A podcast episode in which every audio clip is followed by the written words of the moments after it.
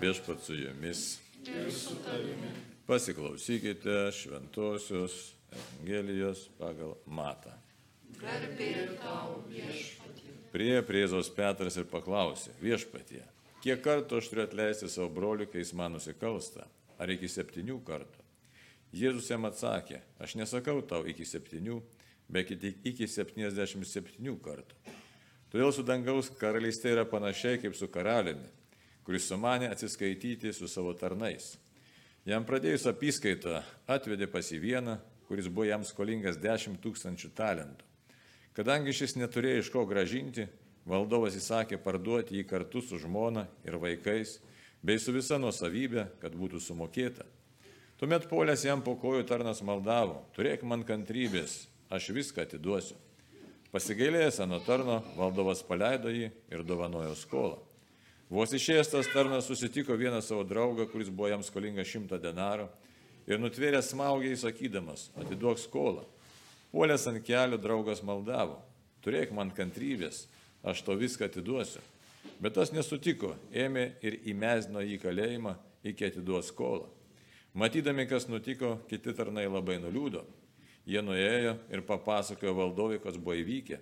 Tuomet pasišaukęs į valdovas tarė, nedorasis tarne, visą tą skolą aš tau dovanojau, nes mane maldavai.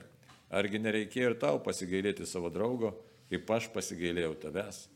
Užsirūšnės valdovas pavedė į būdeliams, iki atiduos visą skolą. Taip ir mano dangiškasis tėvas padarys jums, jeigu kiekvienas iš tikro širdies net leisite savo broliui. Girdėjote viešpatės žodį. Šlovė tau, Kristus. Evangelijos žodžiai ten naikina mūsų klaidas. Amen. Skelbimėliai tai tokie gražus, tokie rytoj švento kryžiaus išaukštinimas. Ne? Tai nepasakiau tiesą, rinkliava reiškia švento Petro skatikas, reikia surinkti pinigų šventoje žemė gyventiems krikščionims. Tai tokia mintis rinkliavos. Tai va, švento kryžiaus išaukštimas, ką tai reiškia? Graži labai šventė, kurios istorija tokia yra. Istorija yra tokia. Šventoji Elena, kas buvo šventoji Elena, kas žino? Norite, kas buvo šventoji Elena? Nu, šventoji Elena buvo imperatorius Konstantino motina.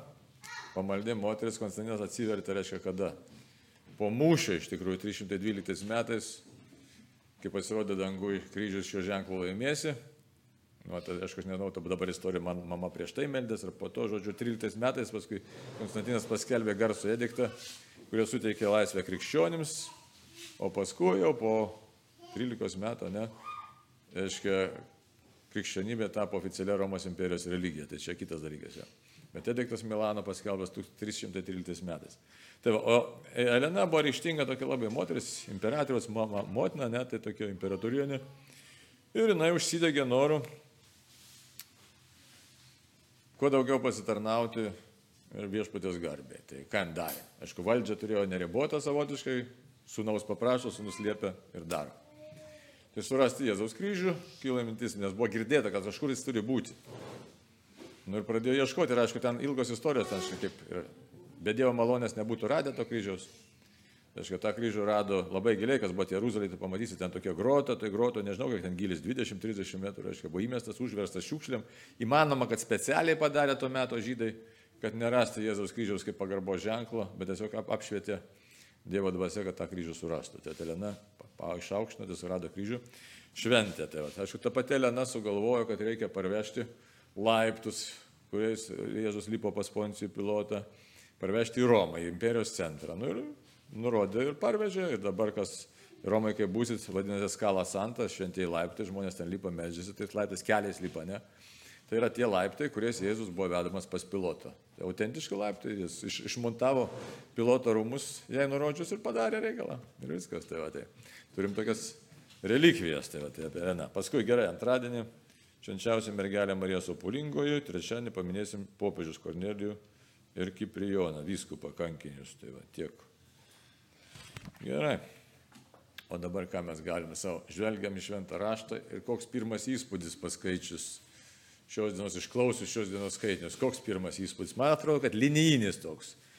Žinai, aš ir atsido knygoje, čia, žinai, negalima teisti taip toliau, čia, kad čia, žinai, jeigu teisi bus blogai, tai toks, nu, smūgio ir atoveiksmio toks lytai skelbimas, bet iš tikrųjų tai nėra taip. Skelbimas kur, kur kas gilesnis, galėtume paklausti dabar gaisiai savęs. Evangelija pagal matą kokią pagrindinę žinią mums neša. Kas sugalvos? Atleisti visiems. Nu, čia linijinis mąstymas. Ja. Atleisti. A kodėl atleisti? Čia yra kur kas gilesnis dalykas. Ką Karaliui pasakysi?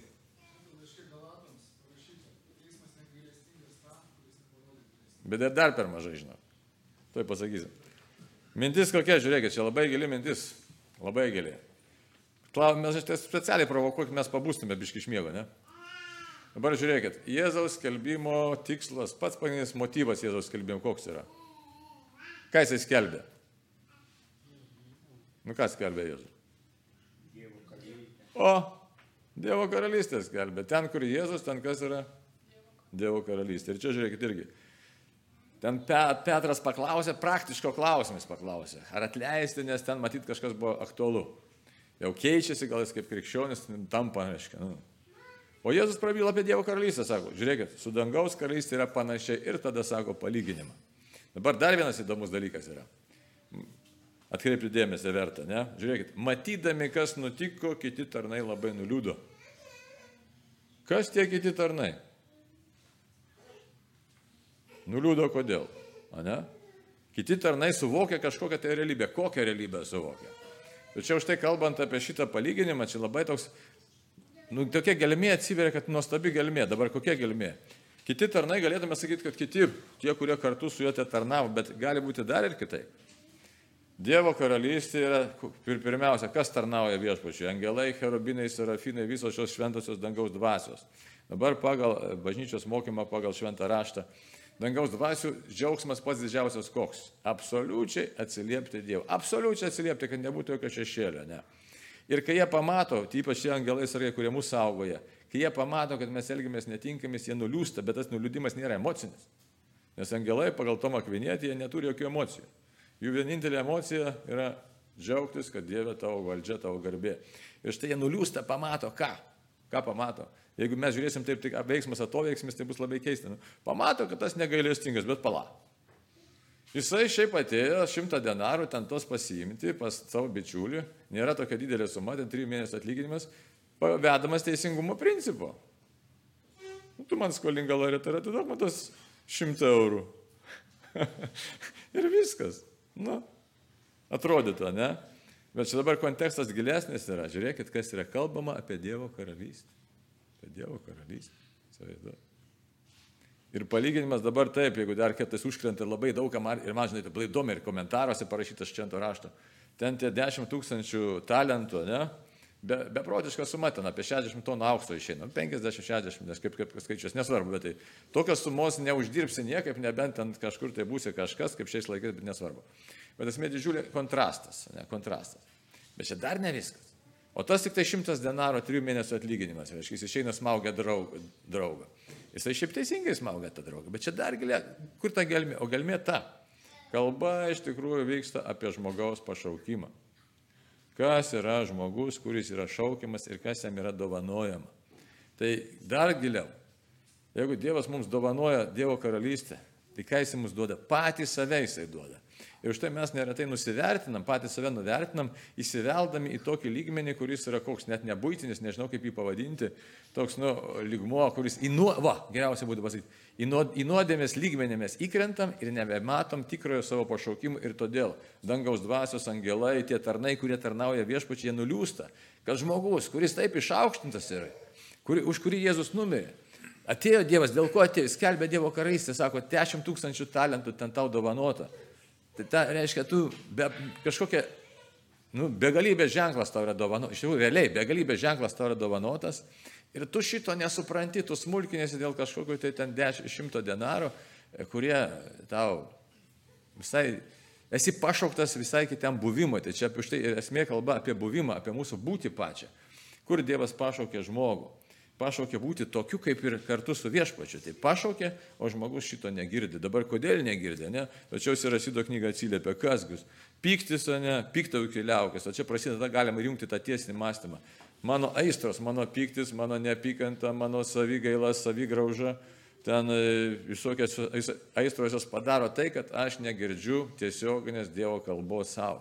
Dievas mums visiems šiandien kalba. Visiems kalba. Absoliučiai visiems.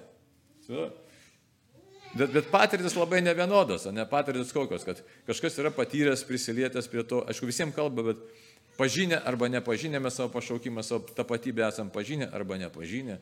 Irgi. Ir visą laiką esam tam procese. Ir už tai Dievui labai gaila ir jo angelams labai gaila, kad mes save nu, tiesiog išduodam, atiduodam savo tapatybę ir nusivertinam visiškai iki kažkokio tai visiškai tokio smulkmeniško lygmens, kai nebepaėgiam dalyvauti kokiam procese. Santykio su Dievu atstatymo, sukūrimo procese. Nepaėgiam savęs atpažinti kaip Dievo vaikų. Ne? Nepaėgiam, tada jau įsijungia ir gailestingumas, nes gailestingumas yra dieviška savybė, bet tai nėra primityviai savybė. Tai yra kitam padovanoti gilesnę būti. Čia šiaip savo, dabar ką jis padarė, dovanodamas ten 10 tūkstančių talentų. Visiškai pasikeičia jos situacija, jis galėjo kišti, sako, į kalėjimą tave, ne? Į kalėjimą su vaikais, su visko, visko, amžina vergystė, kokia vergystė? Neapykantos vergystė. Neapykantos gniuždėjimo nuodėmės vergystė. Ir štai viešpats sako, aš tau dovanoju, tas karalius tai yra viešpats, aš tau dovanoju, sako, eik į laisvę. Įsivaizduoti, į laisvę, kalba dar apie laisvę. Tai mes labai retai nesuprantame, kad mes patys uždarom save į tam tikrus rėmus, į nelaisvės ir dar pykstam, kai kas nors nori mus iš tos nelaisvės užtraukti. Dabar žiūrėkit, žmogus kenčia, sakysim, labai dažnai įsiskaudinimą. Laisvas ar ne tas žmogus? Man kažkas prieš 25 metus pasakė, tu tararara, o, o ypač giminių tarpenė. O ten į Marytę pasakė man šitaip, o mano buvęs vyras pasakė man šitaip, ne? O trečias buvęs vyras pasakė dar kitaip ir panašiai, žinai, tai va. Ir suprant, ir visą gyvenimą verda šitose sultise. Laisvas žmogus ar ne? Aš jau nekalbu, alkoholėlė ten, ne? Laisvas ar ne? Narkotikai tas pats. Jis, kai suskaudinu sakiau, reiškia. Tai vat panašus dalykai, galim visą pliadą kalbėtų dalyko, ne? Nepriėmė manęs, nepažiūrėjo, aš to norėjau. Bet už to visas stovi kas, iš tikrųjų, jeigu taip žiūrėt pagal e, Dikumų tėvų kalbėjimas, stovi mano išdidumas ir puikybė, išdidumas ir puikybė mane įkalina į tos rėmus ir tada apauga visas tas, tas, nu kaip maurais apauga. Ir tada klausimas, tai kur tavo žmogaus tapatybė būti Dievo žmogumi? Ir jinai dinksta, net nesimato tos tapatybės, kad mes Dievo žmonės, kad Dievas mumyse kalba, jis nori kalbėti, jis nori per mus užtarti, mūsų maldas priimti nori. Ne? Labai nori priimti Dievas mūsų maldų, nes tai yra jo dovanotas buvimas kartu mums, kad mes būtume jo buvimu. O mes nu, užtemusios tos akis, pavyzdžiui, kokios aistra, neįsip, nu, kad ir gašlybės aistra, pavyzdžiui, o kaip užtemdo akis, nieko nesimato, absoliučiai nieko nesimato. Ta arba tas gražus, žmonos ten vyro vaikų nebereikia ir tiesių taikymo kažkur tai varo, žinai.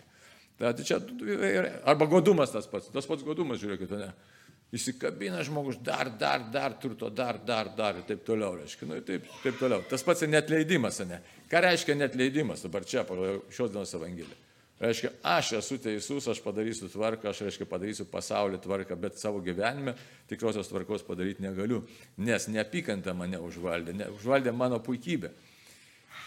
O pašaukimas, vėlgi grįžtam prie esmės, o pašaukimas būti Dievo žmogumi, kuris jau gyvena Dievo gyvenimą, kuris yra, šiaip ne, mums nepriklausytų, nes jis yra dovanojamas. Įsivaizduojat? Ir mes taiga per savo aistras, per savo įdas nusipiginam per savo nuodėmės ir dėl to šimto denarų, kurį, galima, kurį tikrai galima uždirbti per tris mėnesius, mes taiga atsisakom būti Dievo vaikais. Štai atsakymas yra Paštlo Pauliaus Ir sako, valdovas po to užsirūstino, ne, o Dievui skaudu, tai čia vėlgi Dievas nėra užtampamas už viručių kažkoks tai mūsų, e, tas, kaip pasakyti, nu, kaip lėlių teatrė, kažkoks tai ten Mickey Mouse'as, ne, kuris leisis, kad jį tampytum. Ne, ne, jis, jis pasirodo silpnas dėl mūsų, bet jis nėra silpnas Dievas. Už tai paštas Paulius žiūrėk, ką labai gražiai atsako. Ne vienas, atsakymas apie žmogaus būti, ne vienas negyvena savo, Ne vienas savo nemiršta. Tai iš, pirmas, girdint šitą frazę iš pradžių iš mūsų puikybės pozicijų, tai atrodo, tai ką dabar aš čia turiu tarnauti Dievui, ne, ašgi didelis, aš turiu čia, ne, ne. O čia iš tikrųjų suprastume, kaip aš esu išaukštintas. Dievui gyvenu. Aš gyvenu Dievui. Kiekvieną sekundę, kiekvienas tvinksnis pulso, viskas yra Dievui, įsivaizduoju. Ar gyvename viešpačiu gyvenam ir mirštume viešpačiu mirštume. Prasmė didžiausia, mes kalbam apie prasme, knygų prirašyta apie prasme. Štai prasmė. Aš esu Dievo. Ne, ir tą kartoti ir kartoti reiktų kiekvieną dieną, aš esu Dievo. Dieve, tu mane, štai gimė tą maldelę, Jėzau, tu myli mane, pasitikiu tavimi. Štai gimė, aiškiai. Tai va, taigi ar gyvename, ar mirštume, mes esame viešpės iš kieno malonės, iš savo gudrumo. Jokių būdų. Tik tai Dievas tu pasakai, tu esi mano. Ir už tai viešpats nori mums padovanoti lobis, jis dovanoja tą lobį. Čia okay, taip reiktų pasižiūrėti, Dieve, ar aš jį priimu tą lobį, ar aš neuždarau tos galimybės, ar tavo angelai žiūrėdami mane iš tikrųjų nebėga tau sakyti, kad e, šitas pasiklydo.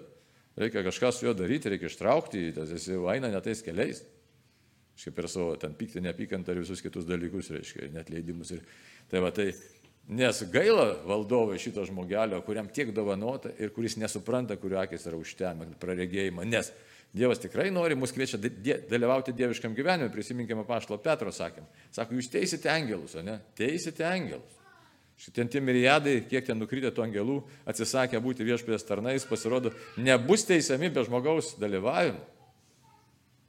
Tai už tai mums apie tą tapatybę kalbant ir kai mes visokius e, sunkumus kenčiam, tai kas yra pašaukimas? Prašy Dievę, padėk man suprasti, kas aš esu. Padėk suprasti, kur tu mane pašaukiai. Ką tu nori manyje padaryti ir ką tu nori mane, kur tu nori mane pastatyti. Kad aš ne, netuščiai puščiausi, ne kaip už šimtą ten tą denarą. Bet tikrai patirčiau, kad aš esu Dievo žmogus. Aš esu Dievo. Čia paslapčių paslaptis yra. Ir mums tai Aiškiai labai nu, išaukštinimas nepaprastai, išsako šventas raštas, ne? Kristus numirė atgyjo, Kristus numirė atgyjo, kad viešpatautų ir mirusiesiems, ir gyviesiems, ir mes esame pašaukti būti kartu su juo. Tai, tai paprašykim Dievo malonės, Dievo padėk man priimti tavo dovaną, kad nenusipiginčiau. Amen.